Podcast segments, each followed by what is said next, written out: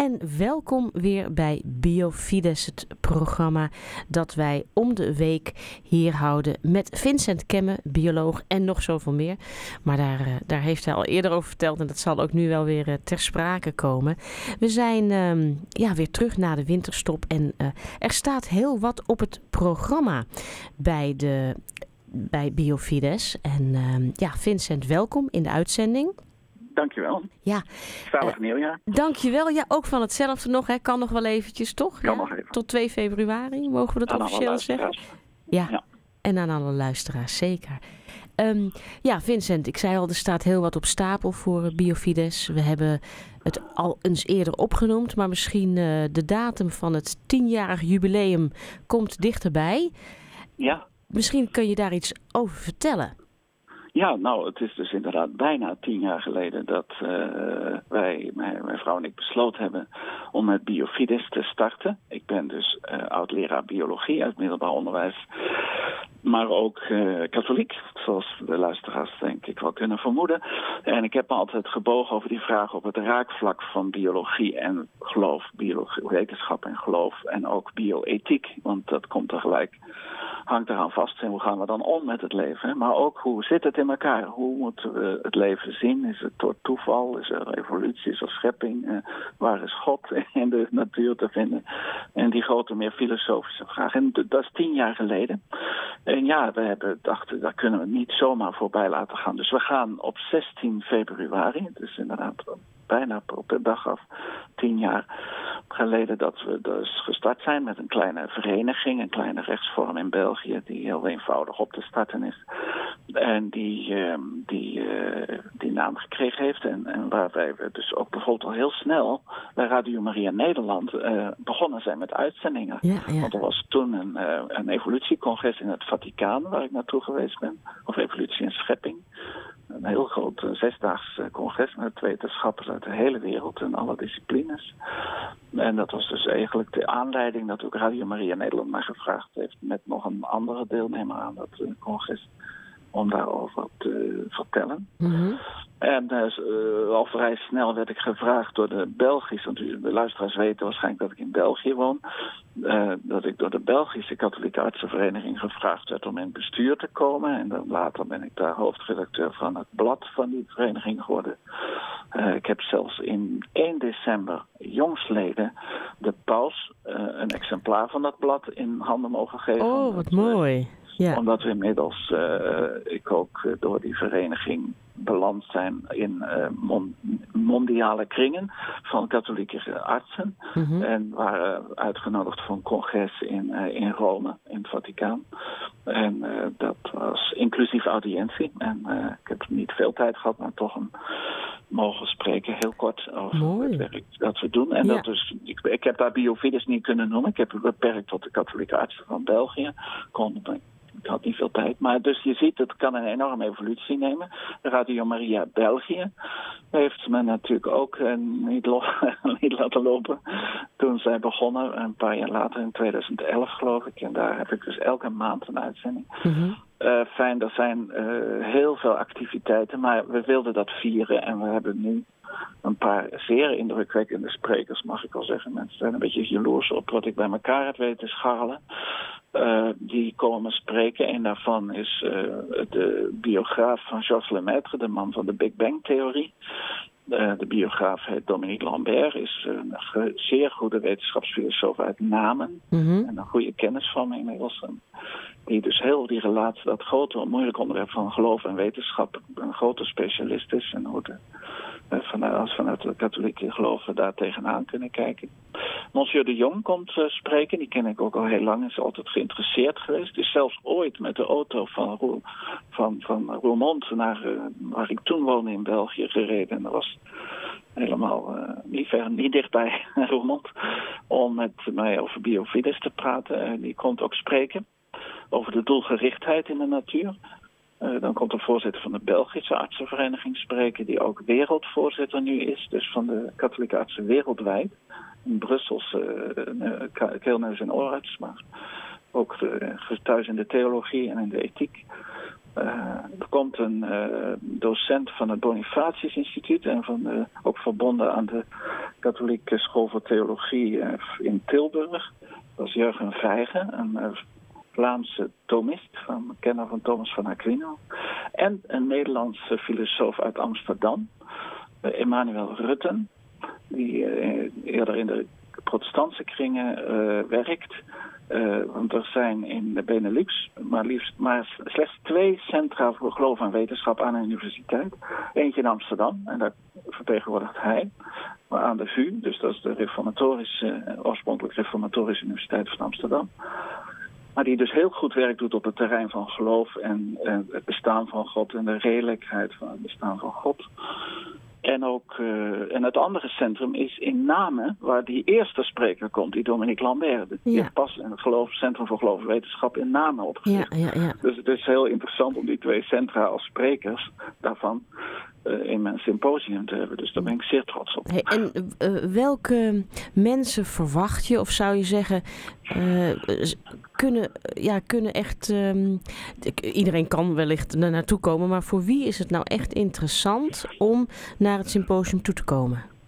Nou, ik zou zeggen, het is vooral interessant voor mensen die uh, echt uh, geïnteresseerd zijn over, nadenken, over na te denken over de redelijkheid van het geloof in relatie tot bijvoorbeeld de moderne wetenschap. Het, is niet zo, het accent ligt niet sterk op de ethiek, maar wel alleen vooral de, de arts zal wat spreken over ethiek als gevolg van een gezonde visie op de mens. als je de ware kijk op de mens hebt die door het geloof en door de wetenschap wordt bevestigd, dan kom je pas tot conclusies over bijvoorbeeld het menselijk embryo. Hè, wat mm dat, en de wetenschap en het geloof zegt daar iets over.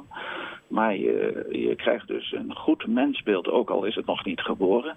Uh, en komt tot, tot de logische conclusie dat je daar met waardigheid mee om moet gaan. En er een aantal praktijken dus uitgesloten zijn.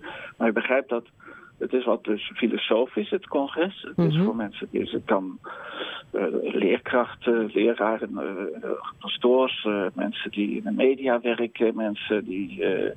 Het, ik hoop ook wat mensen uit de wetenschap te trekken. Er ja. is een theoloog die zich heeft aangemeld uit Nederland om te komen luisteren, niet spreken. dus het is misschien wat hoger niveau.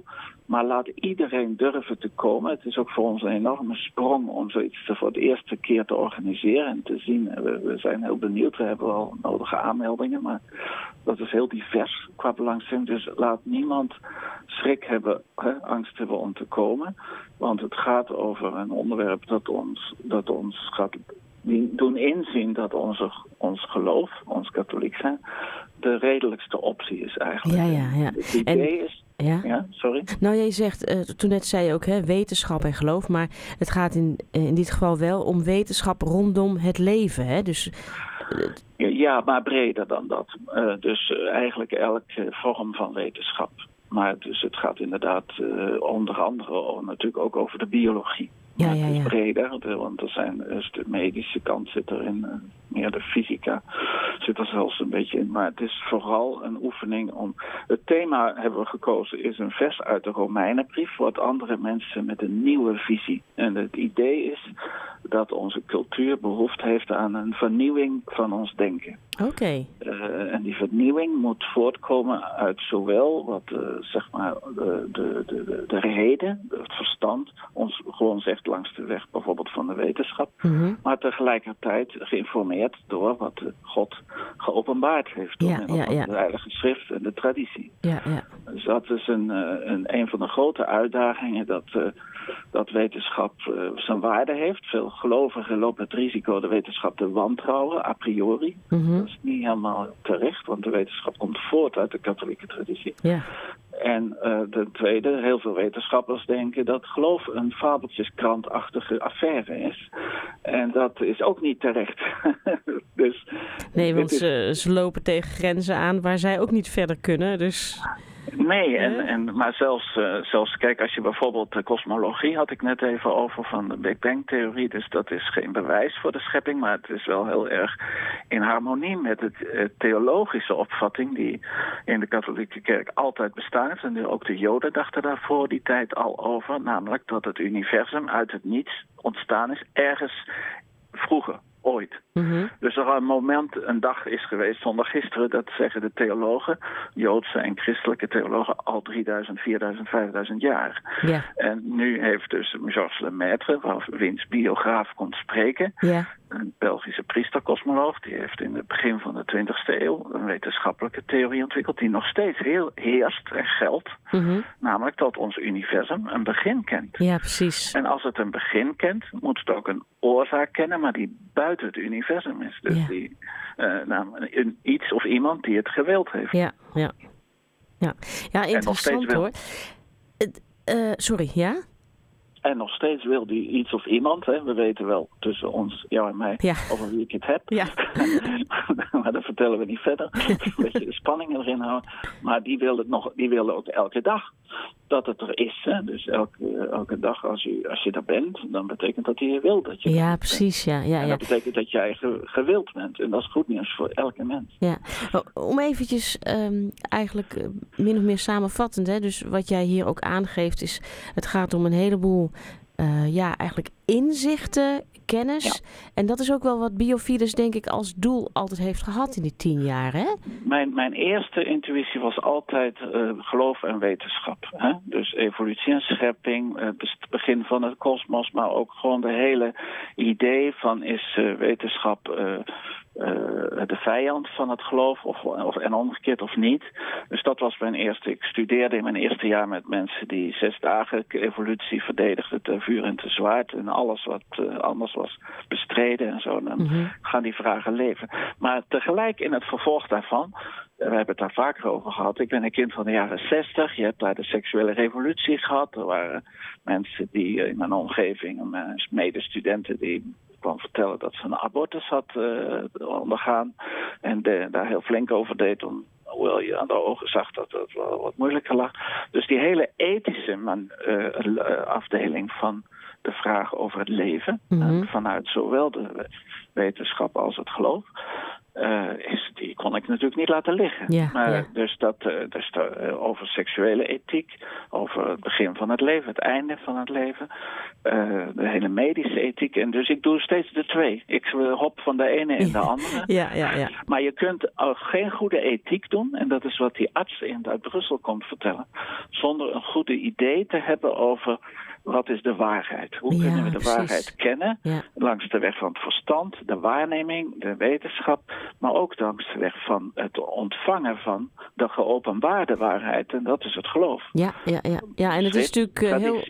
Het is heel vaak zo dat tegenwoordig, wat jij zei, er zijn zoveel oordelen, vooroordelen van waaruit gesproken wordt, juist over ja. deze ethische zaken, dat ook gelovigen soms niet meer goed weten, ja, wat moet ik nou antwoorden? Wat, hoe, hoe zit het nou eigenlijk? Nou, en daar raak je op een heel interessant punt. De laatste spreker, dus de, uit Amsterdam, heb ik vraagd, gevraagd te spreken over ook het, zeg maar, hoe kunnen we over die dingen spreken ter verdediging in zekere zin een beetje van ons geloof of uit de ochtend van evangelisatie. Dus vandaag een van de grote problemen is hoe leggen we het uit aan onze tijdsgenoten waarom we geloven wat we geloven. Of het nu theologisch is of moreel. Dat, uh, dat is een enorme uitdaging. We zijn, ik zal niet genoeg jaren van leven hebben om dat op, probleem opgelost te krijgen. Mm. Maar het is een bijdrage ja. vanuit uh, mijn hoedanigheid ja. als bioloog. Ik denk ook dat daar wel behoefte aan is. Dus hè, op de verschillende ik... niveaus. Ook, ook gewoon ouders die met hun kinderen spreken. Nou, dat zijn dat misschien niet de mensen die naar zo'n congres gaan, maar wel bij Biofides terecht kunnen, om het zo maar te zeggen. Absoluut. Om ja. ook te weten van hoe, hoe ga ik met mijn kinderen in gesprek over de evolutietheorie. Hoe, ja. hè, om, om inderdaad een stukje uh, kennis te hebben, zodat je weet waar je over spreekt. Ik kreeg laatst een mail van leerlingen uit Horen. Ik, misschien heb ik dat eerder verteld. Ja, heb je uh, verteld toevallig. En ja. die, hebben, die zaten met een werkstuk, uh, evolutie schepping hadden ze gekozen. En die hebben mij per Skype langdurig geïnterviewd over hun werkstuk. Dat is erg leuk om te doen. Ja, ja. Ja, heel, heel fijn hoor, moet ik zeggen. En je houdt je ook vanuit Biofides meer met dit soort dingen bezig, hè? Met het overdragen als het ware van kennis en ja, nou het is eigenlijk de eerste reden is dat ik het gewoon leuk vind om het te weten zelf, voor mezelf te begrijpen. Maar ik ben natuurlijk leraar van, van in mijn bloed, mijn DNA. dus ik vind het leuk om dingen uit te leggen. En mensen vinden dat ik het ook redelijk goed kan. Dus ook Radio Maria luisteraars in Nederland en Vlaanderen krijg ik zeer grote complimenten vaak van, van ah, maar nou begrijp ik het. En als je het zo zegt, ja. en je zegt, je praat niet veroordelend en je zegt de toon, kardinaal Simonis onder andere. Dus zegt dan van ja, maar je, je toon is zo prettig. Nou, dat zijn zijn woorden. Ik uh, wil dat niet gezegd hebben, maar weet je. Dus dat is wel interessant om het te kunnen vertellen zonder mensen de, door de strot te duwen. Ik denk dat je ook uh, de, doelt op lessen levenseinden die ik nu uh, aan het geven ben in Antwerpen. Is dat mm -hmm. waar je naartoe wou? Ja, precies, ja. Ja, we hebben natuurlijk voorgesprek gehad. En op dit moment vraagt een eh, congregatie in België, die drie rusthuizen heeft, om mij al het personeel, van de poetsvrouw tot en met uh, de verpleegkundigen en de artsen die daar rondlopen als het kan. De artsen zijn iets moeilijker te, te, te, in de agenda mee te maken, afspraak mee te maken. Maar om die te, met hun te spreken over uh, levenseinde kwesties. Dus hoe gaan we om met het einde van het leven? Dus in die rusthuizen wonen mensen die normaal gesproken niet meer vertrekken, behalve dan uh, in een grijze auto met een zekere lengte. Ja, ja, ja. En uh, dat is onze aller toekomst. En dat betekent, maar hoe gaan we ermee om? Nou, je begrijpt natuurlijk dat dat tegen de achtergrond van de euthanasie kwesties is. Mm -hmm. en, de dreiging die er ook hier in België is om dat tot een normale medische handeling te maken. In Nederland is dat eigenlijk al zo. En uh, daar uh, praten we over door naar hun te luisteren, door met hun ervaringen op te tekenen en dan met elkaar na te gaan over wat, wat verstaan we onder sedatie, wat verstaan we onder palliatieve zorg, wat verstaan we onder euthanasie, wat verstaan we onder wat ze noemen levensverlengend handelen. Ja, ja, ja. Al die termen. En dan het laatste hoofdstuk is, wat is er in dit geval in België wettelijk toegestaan en niet. En wat, is, wat wil de uh, congregatie, wat wil de, de, de directie. Ja, ja je moet daar denk ik ook echt over in gesprek gaan om die duidelijkheid te krijgen, maar ook om mensen, uh, ja, hoe zou ik zeggen, de ruimte te geven om daarover na te denken, met elkaar in gesprek te gaan. Want uiteindelijk, als je er in je eentje over blijft piekeren, om het zo maar te zeggen, dan kom je gewoon niet verder. Nee, en er hebt natuurlijk ook de media, de druk van de samenleving, de familie, allerlei factoren. Iedereen roept wat. Ja. En wie weet hoe het nu eigenlijk zit en wanneer ook dat personeel, wanneer komen ze, kunnen ze een keer bij elkaar gaan zitten om gewoon. Dus ja. dat is een vormingstraject van mooi, de hoor, heel mooi. bijeenkomsten die we doen. En ik zeg altijd tegen het personeel bij de eerste bijeenkomst: ik kom niet hier om jullie van mening te doen veranderen. Maar wees gewoon wie je bent. Ik kom jullie wel uitleggen waarom we vinden wat we vinden, maar iedereen, iedereen blijft in zijn waarde. Want dan kunnen ze namelijk ook uh, ontspannen luisteren. Ja. Als je daar komt met, we moeten dit geloven, jullie moeten dat geloven. Uh, Oké, dus als iemand als een verpleegkundige per se in een rusthuis wil werken waar euthanasie mogelijk is, ja, dan uh, moeten ze misschien een andere baan ja, zoeken. Ja, ja, ja, dat mag bij die zusters niet. Nee. In België is het ondenkbaar. Uh, in Nederland vrees ik dat, het, dat je geen rusthuis meer zou. Ik weet het eigenlijk niet. Dat zou me interesseren. Of er rusthuizen zijn in Nederland of andere zorginstellingen waar men geïnteresseerd zou zijn voor in zo'n vorming. Ja, precies, ja. Want uh, de, dus nogmaals niet om de mensen te bekeren, maar om de, met de mensen over de zaken te ja, kunnen spreken. Ja, gewoon open erover zodat, te spreken. Uh, ja. Zodat de evident, het is zo evident geworden in Nederland. Ik geloof dat nu 4 of 5 procent van de sterfgevallen per jaar in Nederland geprovoceerd zijn. Dus door ja. euthanasie. Ja, ja, ja. medisch uh, zelfdoding, dat is Ja. medisch geassisteerde zelfdoding. Nou, Dat is de norm geworden en de vraag is of dat normaal is. ja, ja, ja. Nou, wie weet eh, dat er eh, Ja. naar aanleiding van deze uitzending er weer verder gesproken wordt en dat eh, weer terugkomt, dat weet je niet. We eh, raken alweer aan het eind van het programma, Vincent. Ja, je- voordat je het erg, er erg in hebt, is de tijd alweer voorbij. Ehm, mag nog wel even de website precies. noemen. www.biofides.eu. Juist. Dat, dat symposium gaan vinden. En info at biofides.eu. Als de mensen een vraag willen stellen of uh, over wat dan ook. Ja, dat was inderdaad wat ik nog wilde vragen. Dus nee, nee, nee, heel goed juist. Want zeker ook over het symposium om even wat nadere informatie te lezen. Uh, als je zelf geïnteresseerd bent als luisteraar of je wil het misschien doorgeven aan iemand, dan is het toch fijn om deze handreiking te hebben. Vincent, heel erg bedankt weer voor deze keer. En uh, tot over twee weekjes, uh, zou ik zeggen. Tot dan. Ja, tot kijken. Hè? Tot dan. Nou, u heeft geluisterd naar Biofides met Vincent Kemme. En we sluiten snel af. We zijn er over twee weken weer. Tot dan.